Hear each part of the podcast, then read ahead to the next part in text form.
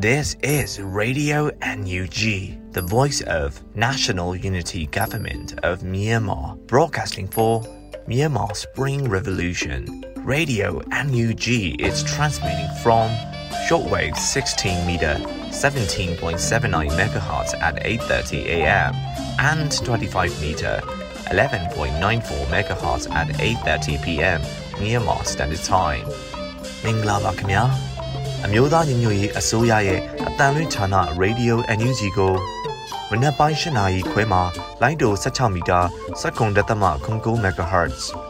ညပိုင်း၈နာရီခွဲမှာလိုင်းတို25မီတာ17.6 MHz တို့မှာဓာတ်ရိုက်ဖမ်းယူနိုင်နိုင်ပါပြီမင်္ဂလာအပေါင်းနဲ့ပြည့်စုံကြပါစေအခုချိန်ကစပြီး Radio NUG အစီအစဉ်တွေကိုဓာတ်ရိုက်အတန်မြင့်ပေးနေပါပြီ။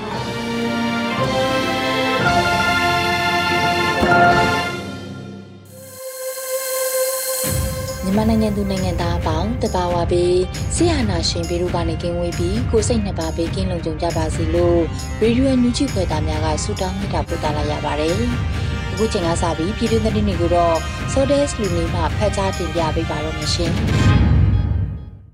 မင်္ဂလာပါခင်ဗျာ။ခုချိန်ကစပြီး2023ခုနှစ်နိုဝင်ဘာလ12ရက်နေ့မနက်ပိုင်းပြည်တွင်းသတင်းများကိုစတင်တင်ပြပေးပါတော့မယ်။ကျွန်တော် Sodes လူနေပါ။ ပထမအဆုံးအနေနဲ့ Federal Democracy နိုင်ငံသစ်ကိုအတူဝိုင်းဝန်းတည်ဆောက်ကြဖို့အချိန်အခါကောင်းဖြစ်တယ်လို့ယာယီသမ္မတဒူဝါလက်ရှိလပြောကြားလိုက်တဲ့သတင်းကိုတင်ပြပေးသွားပါမယ်။နိုဝင်ဘာလ17ရက်နိုင်ငံတော်၏လက်ရှိအခြေအနေများနဲ့ဆက်လျင်း၍မြို့သားညီညွတ်ရေးအစိုးရနိုင်ငံတော်ယာယီသမ္မတဒူဝါလက်ရှိလမှာပြည်သူလူထုထံအသိပေးသည့်လစဉ်မိန့်ခွန်းမှာထည့်သွင်းပြောကြားခဲ့ပါတယ်။အခုချိန်မှာမင်းအောင်လှိုင်ဦးဆောင်တဲ့အုပ်စုကိုအထောက်အကူပေးနေတဲ့စစ်တပ်ဟာလက်ပြိုကျရှုံးမှုနဲ့ရင်ဆိုင်နေရပြီဖြစ်ပါတယ်။ ဒီချိန်ဟာကျွန်တော်တို့တိုင်းသားပြည်သူအားလုံးမျှော်မှန်းတဲ့ကိုပိုင်ပြဋ္ဌာန်းခွင့်နဲ့တရားမျှတမှုလွတ်လပ်မှုကိုဖော်ဆောင်ကြမယ် Federal Democracy နိုင်ငံတော်တစ်ကိုအတူဝိုင်းဝန်းတည်ဆောက်ကြဖို့အချိန်ကားကောင်းဖြစ်ပါတယ်။ဒါကြောင့်တိုင်းသားလက်နက်ကိုင် EAO တွေနဲ့ PDF တွေဒေသခံပြည်သူတွေအပါအဝင်တော်လိုင်းအင်အားစုတွေအားလုံးမဟာဗျူဟာကြကြလက်တွဲပူးပေါင်းဆောင်ရွက်နိုင်ရေးအင်မတန်အရေးကြီးပါတယ်လို့ဆိုထားပါတယ်။ဒါအပြင်မြို့သားညီညွတ်ရေးဆိုရအနေနဲ့နိုင်ငံရေးမှာစစ်တပ်ပါဝင်မှုကိုအပြီးတိုင်ချုပ်ဖြတ်ပြီး Federal Democracy ကိုဖော်ဆောင်မှာဖြစ်တယ်လို့ယာယီသမ္မတကထပ်လောင်းဆိုထားပါတယ်ခင်ဗျာ ဆက်လက်တင်ပြပေးမှာကတော့နိုင်ငံခြားရေးဝန်ကြီးဒေါ်စင်မအောင်နဲ့ကိုယ်စားလှယ်အဖွဲ့ဟာလေတိုရီးယားနိုင်ငံမှာကျင်းပတဲ့အစစ်မြစ်အရာရှိများဖိုရမ်သို့တက်ရောက်ခဲ့တဲ့တဲ့တင်ကိုတင်ပြပေးသွားမှာဖြစ်ပါတယ်။အမျိုးသားညီညွတ်ရေးအစိုးရနိုင်ငံခြားရေးဝန်ကြီးဌာနပြည်ထောင်စုဝန်ကြီးဒေါ်စင်မောင်ဦးဆောင်တဲ့ကိုယ်စားလှယ်အဖွဲ့ဟာလီတူရေးနီးယားနိုင်ငံဗီနီယက်စ်မြို့တွင်ကျင်းပခဲ့တဲ့တတိယအကြိမ်မြောက် Future of Democracy စစ်မြင့်ရရှိများဖိုရမ်သို့တက်ရောက်ခဲ့တယ်လို့နိုဝင်ဘာလ17ရက်နေ့မှာ NUG နိုင်ငံခြားရေးဝန်ကြီးဌာနကသတင်းထုတ်ပြန်ဖော်ပြထားပါတယ်။ ပြည်ထောင်စုဝန်ကြီးဟာအဆိုပါဖိုရမ်တွင်လီတိုရေးနီးယားနိုင်ငံနိုင်ငံခြားရေးဝန်ကြီးနဲ့ချက်သမ္မတနိုင်ငံနိုင်ငံခြားရေးဝန်ကြီးတို့နဲ့တွေ့ဆုံခဲ့တယ်လို့သတင်းရရှိထားပါတယ်။ဒါအပြင်နိုင်ငံခြားရေးဝန်ကြီးဒေါ်စင်မအောင်နဲ့ကိုယ်စားလှယ်အဖွဲ့ဟာလေတိုရီးယားနိုင်ငံလွှတ်တော်အမတ်နဲ့နိုဝင်ဘာလ9ရက်နေ့မှာတွေ့ဆုံခဲ့တယ်လို့လည်းဆိုထားပါတယ်။အဆိုပါလွှတ်တော်အမတ်ဟာလေတိုရေးရီးယားနိုင်ငံလွတ်လပ်ရေးကြီးညာစာတမ်းတွင်ပါဝင်လက်မှတ်ရေးထိုးခဲ့သည့်ဝိုင်းရဲလက်တော်အမတ်များထဲမှတဦးဖြစ်ပြီးမြန်မာနိုင်ငံရင်းနှင့်ပတ်သက်၍ယင်းဤကြောင်းဝင်သူတဦးလည်းဖြစ်ပါတယ်။ပြည်ထောင်စုဝန်ကြီးဒေါ်စင်မအောင်နဲ့ကိုယ်စားလှယ်အဖွဲ့ဟာ၎ င်းရဲ့လွှတ်တော်ရုံးခန်းတွင်ရင်းနှီးနှီးတွေ့ဆုံနှုတ်ဆက်ခဲ့ပြီးမြန်မာနိုင်ငံ၏ဒီမိုကရေစီရေးလှုပ်ရှားမှုများအားထောက်ခံကြောင်းနဲ့ဒီမိုကရေစီအရေးလှုပ်ရှားမှုနှင့်ဆက်လျင်း၍၎င်းလက်ရှိຫນွေဦးဒေါ်လာရေးဖြစ်ပေါ်တိုးတက်မှုများနှင့်ပတ်သက်၍၎င်းအပြန်အလှန်တွေ့ကြုံများကိုမျှဝေဆွေးနွေးခဲ့ကြတယ်လို့သိရရှိထားပါတယ်ခင်ဗျာလွိုင်ကောဒီမော့ဆိုနတ်မဲခုံနဲ့နတ်ဆန်ခန်းတို့ဘက်တွင်ရှိနေသောစစ်ကောင်စီစခန်းခုနှစ်ခုကိုတင်ပိုက်ရရှိထားတဲ့တဲ့ရင်ကိုဆက်လက်တင်ပြပေးသွားပါမယ်။ နိုဝင်ဘာလ17ရက် Operation 1027တစ်တုံညာနှစ်ကိုစစ်စင်ရေး16ရက်မြောက်နေ့တိုက်ပွဲသတင်းများကို Operation 1027ကထုတ်ပြန်ထားပါတယ်။တစ်တုံညာနှစ်ကိုစစ်စင်ရေးနဲ့အတူဟန်ချက်ညီညီပူးပေါင်းစစ်စင်ရေးဆင်နွှဲလျက်ရှိသည့် KNY မျိုးသားကာကွယ်ရေးတပ် KNDF နှင့်မဟာမိတ်တပ်ဖွဲ့ဝင်များပါဝင်တဲ့ပူးပေါင်းဖွဲ့တို့ဟာကရားပြည်နယ်မြို့တော်လိုင်းကောအနီးပတ်ဝန်းကျင်မှာရှိနေတဲ့စစ်ကောင်စီရဲ့စခန်းများကိုယနေ့2023ခုနှစ်နိုဝင်ဘာလ17ရက်နေ့နနက်6:30အချိန်မှစ၍ထိုးစစ်ဆင်တိုက်ခိုက်ခဲ့တယ်လို့ဆိုထားပါတယ်။ လောလောဆယ်တွင်လိုင်ကောဒီမော့ဆိုနတ်မဲခုံနှင့်နတ်ဆန်ကန်တို့ဘက်တွင်ရှိနေသောစစ်ကောင်စီစခန်း9ခုဟာတင်ပိုက်ရရှိထားပြီးရန်သူ၏အခြားသောစခန်းများလည်းထပ်မံတင်ပိုက်နိုင်ရေးအတွက်ဆက်လက်တိုက်ပွဲဝင်လျက်ရှိတယ်လို့သတင်းရရှိထားပါတယ်ခင်ဗျာတေလီလုံးစစ်စင်ရေးအနေဖြင့် KNI ဒေတာကစကန်မောင်း9ခုအားအောင်မြင်စွာသိမ်းပိုက်နိုင်ခဲ့ပြီးတိုက်လေတစီအား .5 ဆက်တနက်ဖြင့်ပစ်ချနိုင်ခဲ့တဲ့တဲ့ရင်ကိုဆက်လက်တင်ပြပေးသွားပါမယ်။ နိုဝင်ဘာလ17ရက်နေ့မှာဒီမော့ဆိုမြို့နယ်ရှိနတ်မေခုံရှိတပ်စခန်းများအပါအဝင်မိုးပြဲမြို့နဲ့လွိုင်ကော်မြို့နယ်တို့ရှိစစ်ကောင်စီတပ်စခန်းများထိုးစစ်ဆင်တိုက်ခိုက်ခဲ့ပြီးစခန်းပေါင်း9ခုအားအောင်မြင်စွာစတင်သိမ်းပိုက်နိုင်ခဲ့တယ်လို့ KNDF ဗဟိုကအတည်ပြုထားပါတယ်။စစ်ကောင်စီတပ်များ၏နှစ်ကာလအတန်းကြာတပ်ဆွဲထိုင်ချထားသောဝါရီစုပလိုက်နန်ဆန်ခန်ဖျားဖြူညောင်ဝိုင်းဝါရီကော့ကူ ရေယိုနှင့်ချိကယ်စသည့်ကြေးရွာများရှိစခန်းများကိုနိုဝင်ဘာလ17ရက်နေ့9နာရီချိန်မှစ၍ဒေါ်လာရေးတပ်ပေါင်းစုံဖွဲ့များမှစစ်ကြောင်း၃ကြောင်းဖြင့်တပြိုင်တည်းဝင်ရောက်တိုက်ခိုက်သိမ်းပိုက်နိုင်ခဲ့ပါသည်။စစ်ကောင်စီတပ်စခန်းများအားတိုက်ခိုက်ရာတွင်ဒီမော့ဆိုလိုင်ကော်နှင့်မိုးပြဲအခြေစိုက်စစ်ကောင်စီတပ်များမှလက်နက်ကြီးများအလွန်ကျွံပစ်ကူပေးခဲ့သလိုလိုင်ကော်နှင့်ဒီမော့ဆိုမြို့နယ်အတွင်းတိုက်ပွဲများတဲ့သို့တိုက်လေနှစ်စီးဖြင့်အကြိမ်20နီးပါးလာရောက်ပစ်ခတ်ခဲ့ပြီးတိုက်ခိုက်ရေးရဟရင်ဖြင့်လည်းနှစ်ကြိမ်ခန့်လာရောက်ပစ်ခတ်ခဲ့ပါသည်။ စစ်ကောင်စီရဲ့အမျိုးမြေမသိတိုက်လေရဲ့တစည်းအားမိမိတို့ KNDF B01 နဲ့ KA တို့မှ Wi-Fi များဖြင့်တံပြန်ပစ်ခတ်နိုင်ခဲ့ပြီးလေရင်တောင်ပန်နှင့်ကိုယ်ရဲပိုင်းအားကြီးစံထိမှန်ခဲ့ကမိကိုအများပြားထွက်ပြီးစစ်မြေပြင်နှင့်အဝေးတနေရာတွင်ပြတ်ကျခဲ့၍အဆိုပါစစ်လေရင်တွင်ပါဝင်သူ2ဦးအားနှစ်ဖက်တပ်များမှလိုက်လံရှာဖွေနေဆဲဖြစ်တယ်လို့ဆိုထားပါတယ်။စကန်သိတ်တိုက်ပွဲများတွင်စစ်ကောင်စီတပ်ဖွဲ့ဝင်များထံမှလက်နက်ကြီးလက်နက်ငယ်မျိုးစုံ100ခန့်နှင့်ခရမ်းကြီးများစွာကိုလည်းတိတ်ဆဲရရှိခဲ့တယ်လို့သိရှိရပါတယ်။ စစ်စင်ရေးကိုပြည်내ပြည်내တော်လှန်ရေးတပ်ပေါင်းစုံဖွဲ့များဖြစ်ကြသည့် KA KNDF KNPLF DMO PDF Loingo PDF မိုးပြဲ PDF ဖဲကုန်း PDF မြို့ပြပျောက်ကြားတပ်နှင့်ရှမ်းတောင် PDF တို့အတူပူးပေါင်းတိုက်ပွဲဝင်ခဲ့ကြပါတယ်။တက်ဆက်ထဲမှာပဲတေလေးလုံးစစ်စင်ရေးကြောင့်လိုင်ကော်မြို့အနီးတစ်ဝိုက်မှာစစ်စုံဖြစ်ပြောင်းလဲလာနိုင်တယ်လို့တတိပေးထားပါတယ်။နိုဝင်ဘာလ17ရက်နေ့မှာ KNP တစ်လေးလုံးစစ်စင်ရေးနဲ့ပတ်သက်ပြီးမိဘပြည်သူများထံသို့အသိပေးပန်ကြားချက်ကိုထုတ်ပြန်ထားပါတယ်။ ထုတ်ပြန်ချက်အရနိုဝင်ဘာလ17ရက်နေ့နနက်9နာရီခန့်မှစတင်၍ကရင်ပြည်တွင်စစ်အာဏာရှင်ချုပ်ငြိမ်းလှုပ်ရှားမှုအစိပ်ပိုင်းတစ်ခုအဖြစ်တစ်လေးလုံးစစ်စင်ရေးကိုတပ်ပေါင်းစုနှင့်မဟာမိတ်ဖွဲ့များကပူးပေါင်းဖော်ဆောင်နေတယ်လို့ဆိုပါတယ်။လိုင်းကော်မြို့အနီးတစ်ဝိုင်းနှင့်နှီးစပ်ရာရက်ကွက်ကျေးရွာအုပ်စုများဖြစ်ကြသည့်ချီကဲကျေးရွာအုပ်စု၊နော်လဝိုးကျေးရွာအုပ်စု၊နိုးကုန်းကျေးရွာအုပ်စု၊ဒေါ်ပေါ်ကလေးကျေးရွာအုပ်စုနှင့်ကုန်းသာကျေးရွာအုပ်စုတို့အပြင်မိုးပြဲမျိုးတို့မှာတိုက်ပွဲများပုံမှုပြင်းထန်လာနိုင်တယ်လို့ဆိုထားပါတယ်။ ထို့အပြင်လိုင်းကော်မြို့အနီးတစ်ဝိုက်ကလည်းစစ်စုံဖြစ်သူပြောင်းလဲလာနိုင်၍ပြည်သူများအနေဖြင့်ပုံမှုပေးကင်းလုံခြုံသည့်နေရာသို့ရွှေ့ပြောင်းရန်လိုအပ်နိုင်တယ်လို့လည်း KNY ပြည်ကြားကာလအုပ်ချုပ်ရေးကောင်စီကအသိပေးကြေညာထားပါတယ်ခင်ဗျာကိုကန် MNDA ကရှီရင်ကြီးကျေးရွာအနီးဟဲဟုတ်တောင်ရှိ128ဖြူဟာကုန်း၏တွဲဖက်စကန်၄ခုကိုတိုက်ခိုက်သိမ်းယူနိုင်ခဲ့တဲ့တဲ့ဆက်လက်တင်ပြပေးပါမယ်။ နိုဝင်ဘာလ17ရက်နေ့တေတုံညာနှစ်ခွန်စစ်စင်ရေးလှုပ်ဆောင်လာခဲ့သည်မှာ16ရက်မြောက်နေ့တွင်မြောက်ပိုင်းညီနောင်မဟာမိတ်အဖွဲ့မှ MNDA သည်ရှီရင်ကြီးကျေးရွာအနီးစစ်ကောင်စီဗျူဟာကုန်း၏တွဲဘက်စခန်းများကိုတိုက်ခိုက်သိမ်းယူနိုင်ခဲ့ပြီးလာရှိုတိုင်းစစ်ဌာနချုပ်ကိုလည်းအမြောက်ဖြင့်ပစ်ခတ်တိုက်ခိုက်ခဲ့တယ်လို့ဆိုထားပါတယ်။နိုဝင်ဘာလ17ရက်နေ့နနက်7:30မိနစ်တွင် MNDA သည်ရှီရင်ကြီးကျေးရွာအနီးဟဲဟုတ်တောင်ရှိ128ဗျူဟာကုန်း၏တွဲဘက်စခန်းလေးခုကိုတိုက်ခိုက်သိမ်းယူခဲ့ပါတယ်။ တိုက်ပွဲမှာစစ်ကောင်စီတပ်ဖွဲ့ဝင်2ယောက်ဖမ်းဆီးမိပြီးလက်နက်ခဲယမ်းအချို့သိမ်းဆည်းရရှိခဲ့တယ်လို့ဆိုထားပါတယ်။နနက်2:23မိနစ်နဲ့2:58မိနစ်ခန့်အချိန်တစ်ခုတွင် MNDA သည်လာရှိုးအမှတ်2ရဲစခန်းနှင့်အရှိမြောက်တိုင်းစစ်ဌာနချုပ်ကိုအမြောက်ဖြင့်ပစ်ခတ်ခဲ့ပြီးစစ်ကောင်စီ၏41ဗျူဟာကုန်းကိုလည်းတစ်ချိန်နဲ့ပစ်ခတ်တိုက်ခိုက်ခဲ့ပါတယ်ခင်ဗျာ။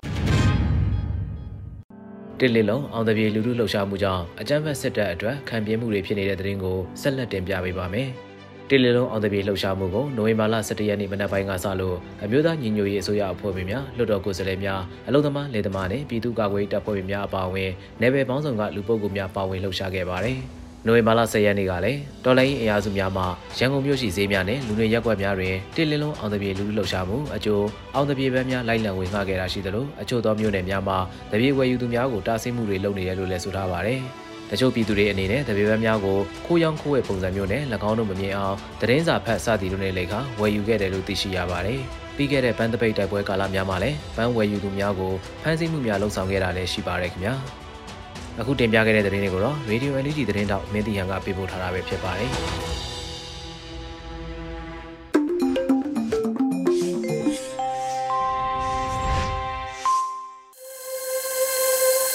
ဗီဒီယိုညွှန်ချီရဲ့မနက်ခင်းစီစဉ်တွေကိုဆက်လက်တင်ပြနေပါတယ်။အခုဆက်လက်ပြီးနားဆင်ကြရမှာကတော့မြမနွေဦးခရိုနီကယ်နိုဝင်ဘာ10မြင်ကွင်းဖြစ်တဲ့ကုလသမဂ္ဂရဲ့အပြည့်ရဖို့ပန်ကြားချက်အပြည့်ရဖို့တရုတ်နိုင်ငံကထပ်မံတိုက်တွန်းချက်လို့အမည်ရတဲ့မုံမကဆောင်းပါးကိုတော့လိုလက်နွေဦးကဖတ်ကြားတင်ပြပေးထားပါရဲ့ရှင်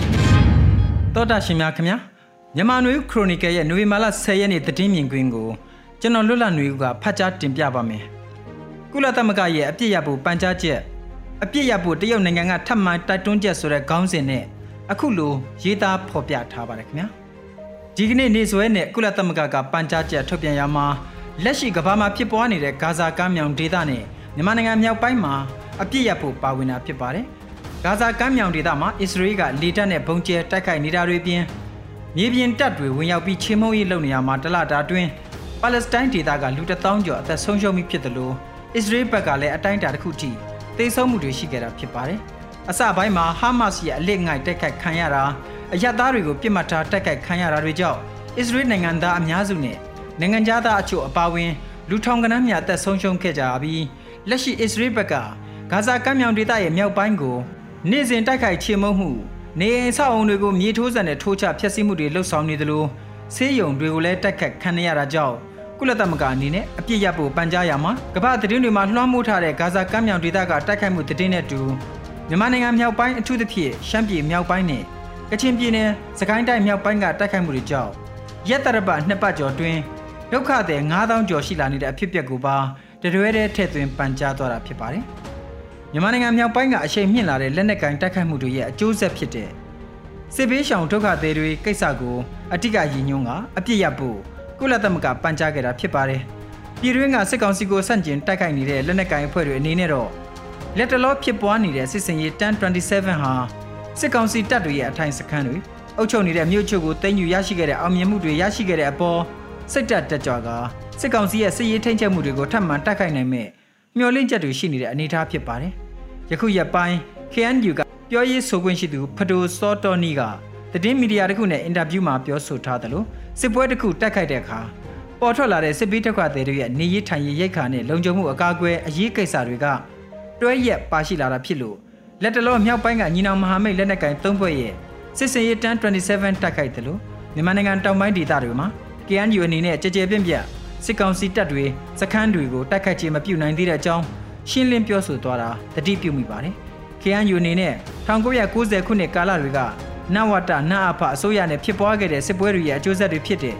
သိန်းကနန်းချီတဲ့စစ်ပေးဒုက္ခသည်တွေထိုင်းနယ်စပ်တစ်လျှောက်မှာဆယ်စုနှစ်နဲ့ချီနေထိုင်ပြီးနိုင်ငံတကာအကူအညီပေါ်မိကိုနေထိုင်သက်ရှင်ကြရတဲ့အတွေ့အကြုံလည်းရှိခဲ့ပြီးဖြစ်ပါတယ်။အချို့သောဒုက္ခသည်စခန်းတွေဟာယခုအချိန်ထိထိုင်းနယ်စပ်ဒေသတွေမှာရှိနေဆဲဖြစ်ပြီး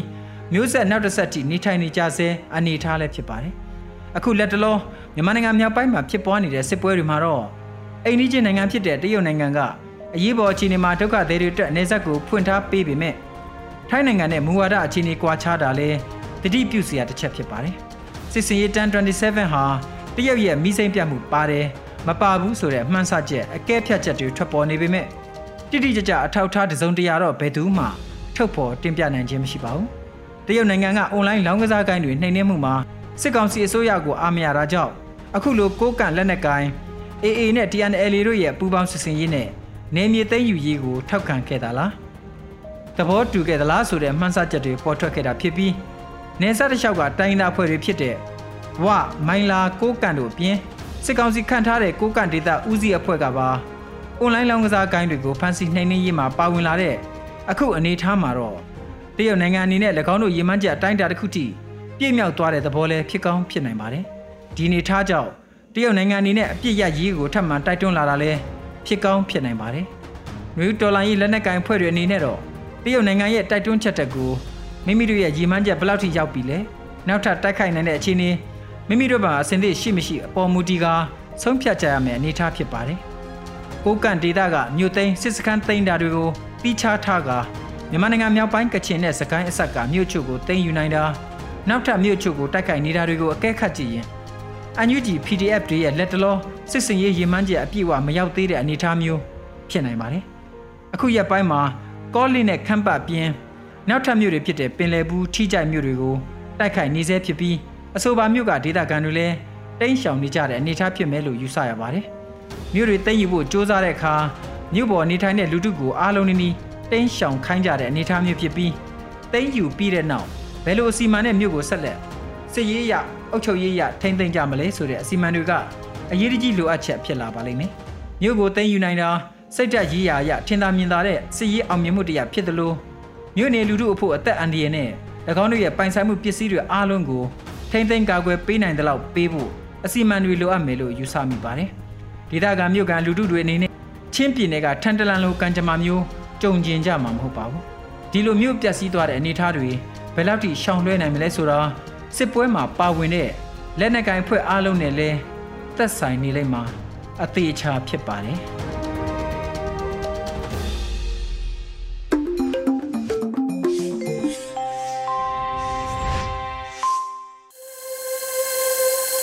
ဗီဒီယိုညူးချီကိုနာတော်တာဆင်နေတဲ့ပရိသတ်များရှင်အခုဆက်လက်ပြီးနားဆင်ကြရမှာကတော့တော်လန်ရေးကဗျာအနေနဲ့မိုးသက်ငင်ဦးရေးသားပြီးမျိုးဦးမှုရွတ်ဖက်ထားတဲ့အမောင်ခစ်တဲ့ကရုပ်ရှင်လို့အမည်ရတဲ့တော်လန်ရေးကဗျာကိုနားဆင်ကြရတော့မှာဖြစ်ပါတယ်ရှင်အမောင်ခစ်တဲ့ကရုပ်ရှင်ငါတို့တရုတ်ဆောင်နေရတဲ့တောကစက်တင်မှာသွေးဘလောက်ရဲတယ်လဲဆိုတာအဓိကတက်သေးပဲ လိုအပ်ရင်လက်မောင်းသွေးတွေဖောက်ထုတ်လိုက်သွေးစိမ့်ရှင်ရှင်ပန်းထွက်နေလေယုံကြည်ချက်ကပုံမခိုင်မြဲစောက်ပြတ်တနာတွေတလေကြီးကအဖော်အပေါင်းနဲ့လာတယ်တမိုင်းခရီးမဆုံးမီငါတို့လောက်ရက်ကိုဖွင့်ချခွင့်မရှိအဲ့စရင်စစ်တဲ့အကြောင်းပြချက်နဲ့အစပြောက်သွားနိုင်တယ်ဆိုင်ကယ်စစ်ဖုန်းစစ်တဲ့ဆိုပြီးခွေးကြိုက်ခံရနိုင်တယ် ခွေးတွေကိုကြောက်လို့နောက်တွန့်သွားရင်သွေးတွေရဲတာအလကားဖြစ်သွားမယ်ခွေးကြိုက်မှာစိုးလို့ငြိမ်စင်းသွားရင်ရှိတဲ့သွေးတွေဖောက်ချလိုက်မယ်တန့်ရှင်းနေစေလိပ်ပြဟာအမောင်ခက်ထဲမှာလေလှပနေမြဲတောက်ပစေမိုးတက်ငြိမ်ဦး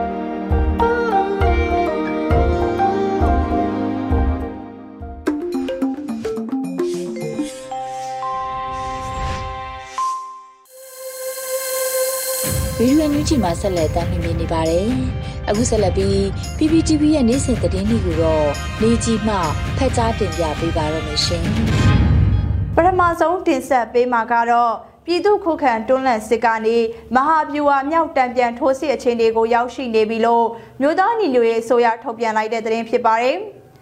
ပြည်သူ့ຫນွေဦးတော်လန်ရေးကယခုနှစ်အောက်တိုဘာလနှောင်းပိုင်းမှာပုံမိုကြီးမားတဲ့အရှိန်ဟုန်နဲ့တဆင်တဆင်ကိုတက်လန်းသွားပြီးတော့ပြည်သူ့ခုခံတွန်းလှန်စစ်ကနေမဟာဗျူဟာမြောက်တံပြန်ထိုးစစ်အခြေအနေကိုရောက်ရှိနေပြီလို့မြို့သားညီညွတ်ရေးဆိုရကဒီကနေ့ရက်စွဲနဲ့ထုတ်ပြန်တည်ပေးလိုက်ပါတယ်။ လက်ရှိအချိန်မှာပြည်내ဖက်ဒရယ်ယူနီများနဲ့ဂျာကာလာတင်ဒနာပြည်သူ့အုပ်ချုပ်ရေးအကောင့်ထဲဖော်လျက်ရှိတဲ့ဒေသတွေမှာစကန်းသိန်းတိုက်ပွဲများသာမကပဲမြို့သိန်းတိုက်ပွဲများအထိတိုးတက်အောင်မြင်မှုတွေရရှိနိုင်တာဆိုပြီးတော့လဲရှမ်းပြည်နယ်မြောက်ပိုင်းမှာညီနောင်မဟာမိတ်အဖွဲ့များစတင်တဲ့2020ခုစစ်စင်ရေးက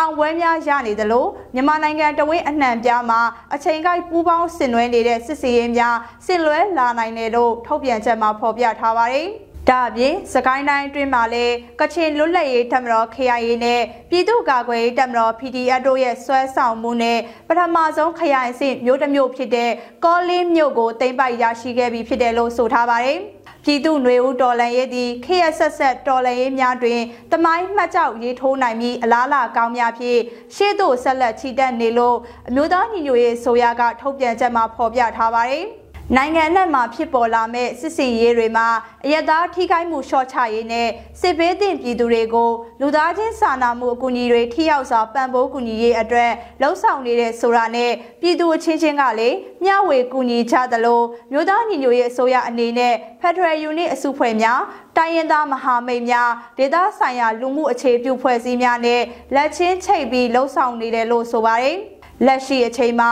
စစ်ပေးရှောင်ရေအတွက်ဟာ နှစ်တန်းကျော်ထိရှိထားပြီဆိုတာနဲ့အရေးပေါ်အခြေအနေတွေမှာထိရောက်တဲ့စီမံခန့်ခွဲနိုင်မှုတွေပြုလုပ်နိုင်ဖို့အတွက်အရေးပေါ်အခြေအနေစီမံခန့်ခွဲမှုဆိုင်ရာပေါင်းဆက်ညှိနှိုင်းရေးကော်မတီကိုမြို့သားညီညွတ်ရေးဆိုရဝင်ကြီးဌာနတွေ Federal Unit အစုဖွဲ့တွေအတိုင်းပင်ခံကောင်စီတွေနဲ့တိုင်းရင်းသားမဟာမိတ်ပူးပေါင်းပြီးဖွဲ့စည်းထားတယ်လို့အတည်ပြုထားပါတယ်။အရေးပေါ်အခြေအနေစီမံခန့်ခွဲမှုဆိုင်ရာပေါင်းဆက်ညှိနှိုင်းရေးကော်မတီအနေနဲ့မြို့သိမ်းတိုက်ပွဲများအတွင်အယက်သားပြည်သူများထိခိုက်ဆုံးရှုံးမှုရောနှဲတတစေရေးအတွက်အစီအမံများကိုအကောင့်ထဲပေါ်ဆောင်လဲလျက်ရှိတယ်ဆိုတာနဲ့ဒေတာတစ်ခုကိုမသိမ့်ပြီးသိမ့်နေစဉ်သိမ့်ပြီးနောက်ဆောင်ရွက်ရမယ့်လုပ်ငန်းစဉ်အစဉ်စဉ်မှာမြေပြင်တပ်ဖွဲ့များအားလိုအပ်ပံ့ပိုးလှုံ့ဆော်မှုများကိုဆောင်ရွက်ပေးသွားမှာဖြစ်တယ်လို့ဆိုပါတယ်။ အရေးပေါ်အခြေအနေစီမံခန့်ခွဲမှုလုပ်ငန်းများအတွက်လိုအပ်တဲ့လူသားချင်းစာနာမှုအကူအညီပေးအပ်ရေးအရေးပေါ်ဆက်သွယ်ရေးကျန်းမာရေးဝန်ဆောင်မှုပေးနိုင်ရေးထောက်ပံ့ပို့ဆောင်နိုင်ရေးနဲ့အစောဘကာလပြန်လည်ထူထောင်ရေးလုပ်ငန်းရပ်များအတွက်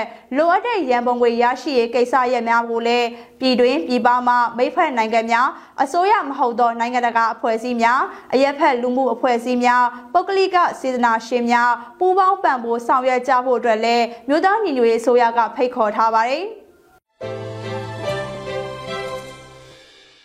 ထပ်ပြီးတင်ဆက်ပေးခြင်းတဲ့သတင်းကတော့ကောလင်းမြို့မှရဲစခန်းမှာအကြမ်းဖက်စစ်ကောင်စီကမတရားဖမ်းဆီးထားတဲ့နိုင်ငံရေးကျင်းသားတွေကိုတော်လိုင်းအင်အားစုတွေကပြန်လွတ်ပေးခဲ့တဲ့သတင်းမှာ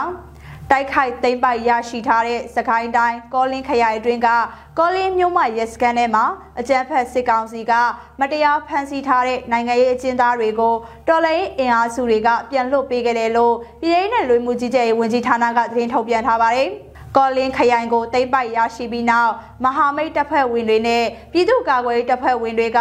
ကောလင်းမြို့မှရဲစခန်းချုံမှာချုပ်ထားတဲ့နိုင်ငံရေးကျင်းသား63ဦးကိုကယ်ထုတ်နိုင်ခဲ့တယ်လို့ပြည်ထောင်စုလူမှုကြီးကြပ်ရေးဝန်ကြီးဌာနကသတင်းထုတ်ပြန်ခဲ့တာပါအချုပ်ခန်းမှာအကျဉ်းသားအချုပ်သားစုစုပေါင်း68ဦးထိရှိပြီးအဲ့ဒီထဲကနေမှနိုင်ငံရေးကျင်းသားတွေကိုစစ်စစ်ပြီးတော့ပြန်လွတ်ပေးခဲ့တာပါ မတရားဖမ်းဆီးခံထားရတဲ့နိုင်ငံရေးကျင်းသားတွေကိုတအုပ်လည်း9000ကျပ်စီထောက်ပံ့ပေးခဲ့ပြီးခရိုင်ကုကဲရေးမှူးခရိုင်ပြည်သူ့အုပ်ချုပ်ရေးအဖွဲ့တိုင်းပြည်ပြည်သူ့ကာကွယ်ရေးတာဝန်ခံနဲ့ခရိုင်ပြည်သူ့လုံခြုံရေးတပ်ဖွဲ့ခေါင်းဆောင်တို့ကဂုံပြူအားပေးစကားပြောကြားခဲ့ပါတယ်။ဆက်လက်ကြန့်ရှိနေတဲ့အချုပ်သားအကျဉ်းသားများကိုစစ်စစ်ပြီးတရားဥပဒေနဲ့ညီဆက်လက်ဆောင်ရွက်သွားနိုင်ရန်ပြင်ဆင်လုပ်ကိုင်လျက်ရှိတယ်လို့လည်းပြည်ထောင်စုနဲ့လူမှုကြီးကြပ်ရေးဝန်ကြီးဌာနကသတင်းထုတ်ပြန်ထားပါတယ်။ အခုတော့တလေးလုံးအထိမ့်မဲ့အောင်တပေလူလူလှုပ်ရှားမှုဖြစ်တဲ့ SMC အဖွဲ့ကစစ်ဆောင်တွေကိုထောက်ပံ့ကူညီမှုတွေပြုလုပ်ခဲ့တဲ့သတင်းကိုတင်ဆက်ပေးပါမယ်။တလေးလုံးထိမ့်မဲ့အောင်တပေလူလူလှုပ်ရှားမှုဖြစ်တဲ့ဒီကနေ့မှာ SMC ကစစ်ပေးပညာရေးကုညီဆောက်ရှောက်ရေးအဖွဲ့ကစကိုင်းတိုင်းရွှေဘိုခရိုင်အတွင်းမှာရှိတဲ့စစ်ပေးဆောင်အိမ်အောင်စုတရားကိုထောက်ပံ့ကူညီမှုတွေပြုလုပ်ခဲ့ပါတယ်။ FSMC စစ်ပေးမိပေးပညာရေးကူညီဆောက်ရှောက်ရေးအဖွဲ့ကအိမ်အောင်စုတရားကိုစောင်းချင်အောင်အနှွေးတဲ့ပစိုးစီစာကြောက်ဖြုံသီးနဲ့အလှငွေတွေပေးအပ်လှူဒန်းခဲ့တာပါစစ်ပေးဆောင်ပြည်သူတွေကိုလှူဒန်းရေးနဲ့အောင်တပြေတပိတ်ကိုလည်းအောင်မြင်စွာပြုလုပ်ခဲ့တယ်လို့ SMC မိဘေးစစ်ပေးပညာရေးကူညီဆောက်ရှောက်ရေးအဖွဲ့ကထုတ်ပြန်ထားပါတယ်။ ဆက်လက်ပြီးရေဦးမြို့နယ်မှာအကြမ်းဖက်စစ်သားတွေအလင်းဝင်ရောက်ဖို့အတွက်တိုက်တွန်းစာတွေကို PDF တွေက drone နဲ့ကျဲချခဲ့တဲ့တဲ့တင်မှာစကိုင်းတိုင်းရေဦးမြို့နယ်အတွင်းမှာအထက်မြင့်တိုက်ပေါ်များမှာအသင့်နေရာယူပြီးခန့်စစ်ပြင်နေတဲ့အကြမ်းဖက်စစ်သားတွေကိုအလေးဝင်ရောက်ကြဖို့တိုက်တွန်းစာများကို PDF ပူးပေါင်းဖွဲ့တွေက drone နဲ့ဝေဟင်ကနေကျဲချခဲ့တယ်လို့ရွှေဘိုခရိုင်တရင်14ကပြောပါတယ်။ ရေဦးမြို့တဲ့သို့နိုဝင်ဘာလ10ရက်ညနေ9နာရီအချိန်မှာပြည်သူ့ကာကွယ်ရေးပူးပေါင်းအဖွဲ့တွေမှခန့်စစ်ပြင်မနေနဲ့မင်းတို့မိသားစုအတွက်မင်းတို့အသက်ရှင်တဲ့စာသားကိုစာရွက်များအား face wind drone များဖြင့်ဝေဟင်မှကျဲချဖြန့်ချီခဲ့တယ်လို့ရွှေဘိုခရိုင်တရင်14ကနိုဝင်ဘာလ10ရက်ရက်စွဲနဲ့သတင်းထုတ်ပြန်ထားပါတယ်။အကြမ်းဖက်စစ်ကောင်စီတပ်သားများအလင်းဝင်ရောက်ရန် တိုက်တွန်းစာဖြန့်ဝေခဲ့မှုကိုရွှေဘိုခရိုင်အမှတ်14တရင်ရေဦးမြို့နယ်ပါကဖပါအဖာတို့မှပူးပေါင်းလှုပ်ဆောင်ခဲ့ခြင်းဖြစ်တယ်လို့ထုတ်ပြန်ချက်မှာဖော်ပြထားပါတယ်။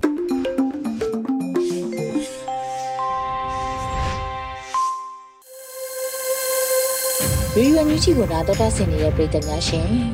အခုတခါတိုင်းရင်းသားဘာသာစကားနဲ့သတင်းထုတ်လွှင့်မှုအစီအစဉ်လေးနဲ့ချိုးချင်းဘာသာစကားခွဲတစ်ခုဖြစ်တဲ့မွန်ဘာသာဖြင့်သတင်းထုတ်လွှင့်မှုကိုနားဆင်ကြရတော့မှာဖြစ်ပါတယ်။ဒီအစီအစဉ်ကို Radio NUG နဲ့ချိုးချင်းဘာသာစကားသတင်းထုတ်လွှင့်မှုဖွဲ့တို့ကပူးပေါင်းတင်ဆက်ပေးထားတာဖြစ်ပါတယ်ရှင်။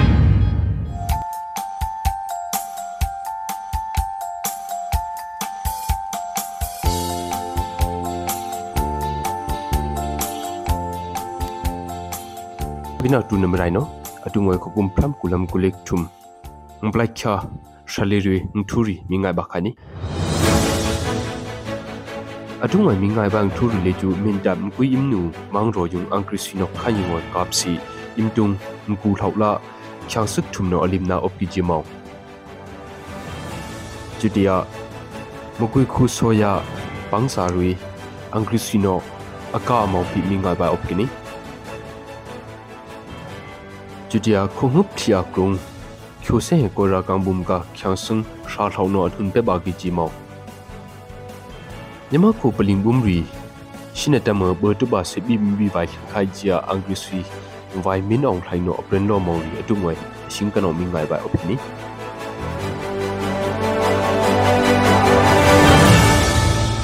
min dam kuim nu mang ro kunga angri sino khan yungon kap si imdung la khoina nauri ngku thau adina op ki chiam hana op kini black cham trick ko oidanga angri sino khan yungon ka gene khyang sik thum lim si o mo mo ya imdum ku thok chum phi di ki chia ctf min dan no prit kini khyang om na im shlik thum la khoina nang bum im kyong im khru thau adina op ki gp ctf min dan no black chak shing hu prit kini limkya khyasik thumpi ngowai aya ka ki ha ki ja me pren na opkini november black chap thing hup chumpi mintala madubi se na ka lap khanung angri sino khayong kapsi imtuk thum adina opkini makui kho somang ro akunga angri sino sitef kampaletunga slain thimangla basta apa se dong kapsi nini hi asuna opki jam hana opkini black chak shri ko wai dunga angri sino aka kene slain thimanga apa pasta li ju achuna angkrisino akana gung asana omne slain khimang li ju ameka kona limsi tumse na amebi ban na kung kak pha ni anhun na pin na opki jam hana opkini cdf complete tangan le ju somang ro akrunga slain khimang la apa pasta anhun ani pin na ka khana ayo thisina opki jila achuna khan le ju angkrisino apena opkha gp cdf complete tangan le ju pritkini စကိုင်းခိုလာအဟီခိုရီယုံအင်္ဂရိစီလာဆဲကိုရာကမ်ဘုံရီယန်လကုံတုံကနာအတုဘေဘလက်ခါကရုံအဟုပဒစီအော့ကိနီဘရပရကာခိုဟုဖီယာကရုံလေကျူချိုဆဲကိုရာကမ်ဘုံကချန်ဆုံရှာခနောအထုနပိနာအော့ကိကြဖနာအော့ကိနီခိုကုံဖရမ်ကလမ်ကလိထုမ်နိုဝင်ဘာဘလက်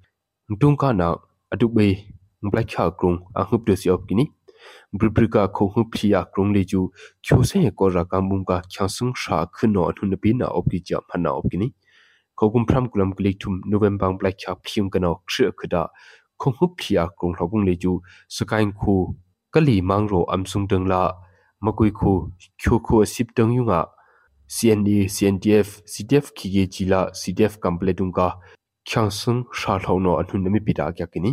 black khap thi kali khu amsung tang CNTF khangsung ruila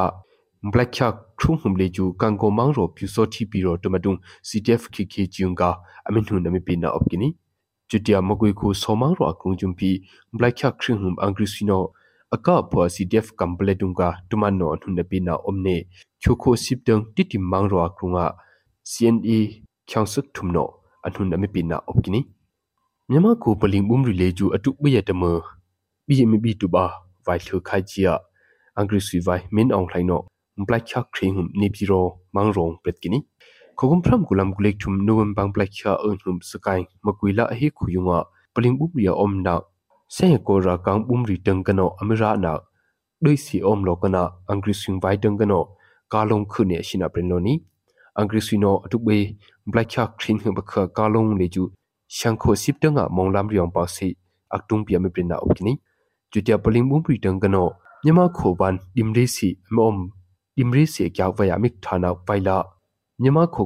ရမ်သမ်ရှီရီယာအမောင်လမောင်ပါစီအမေပရင်နာဥပကိနီအတုဘေအခထုံဘီနာကအမခုနာကကာလုံလေကျူဥဟင်ရီဗန်တူပီအန်ဟီဗီနာကကိုင်လောနာအုံနေ ahi among lam ri leju apres sang na tu kom gi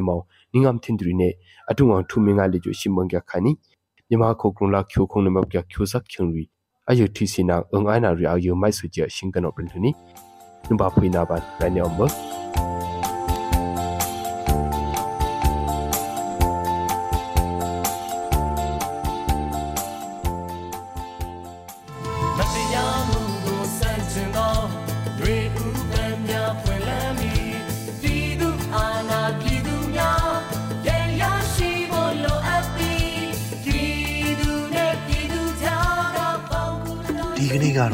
ဒီညနေပဲ Radio NUG ရဲ့အစည်းအဝေးကိုခਿੱတရနာလိုက်ပါမယ်။မြန်မာစံတော်ချိန်မနက်၈နာရီခွဲနဲ့ည၈နာရီခွဲအချိန်တွေမှာပြန်လည်ဆုံးဖြတ်ကြပါစို့။ Radio NUG ကိုမနက်ပိုင်း၈နာရီခွဲမှာလိုင်းဒို16မီတာ7.3 MHz ညပိုင်း၈နာရီခွဲမှာလိုင်းဒို25မီတာ17.6 MHz တို့မှာဓာတ်ရိုက်ဖမ်းယူနိုင်နိုင်ပါပြီ။မြန်မာနိုင်ငံသူနိုင်ငံသားများကိုစိတ်နှပြချမ်းမာချမ်းသာလို့ဘေးကင်းလုံခြုံကြပါစေလို့ Radio NUG အဖွဲ့သူအဖွဲ့သားများကဆုတောင်းလိုက်ရပါတယ်။အမျိုးသားညီညွတ်ရေးအစိုးရရဲ့စက်သွေးရေးတရင်အချက်အလက်နဲ့ဤပညာဝန်ကြီးဌာနကထုတ်လွှင့်နေတဲ့ Radio NUG ဖြစ်ပါတယ်။ San Francisco Bay Area အခြေစိုက်မြန်မာမိသားစုများနဲ့နိုင်ငံတကာကစေတနာရှင်များလုပ်အားပေးများရဲ့ Radio NUG ဖြစ်ပါတယ်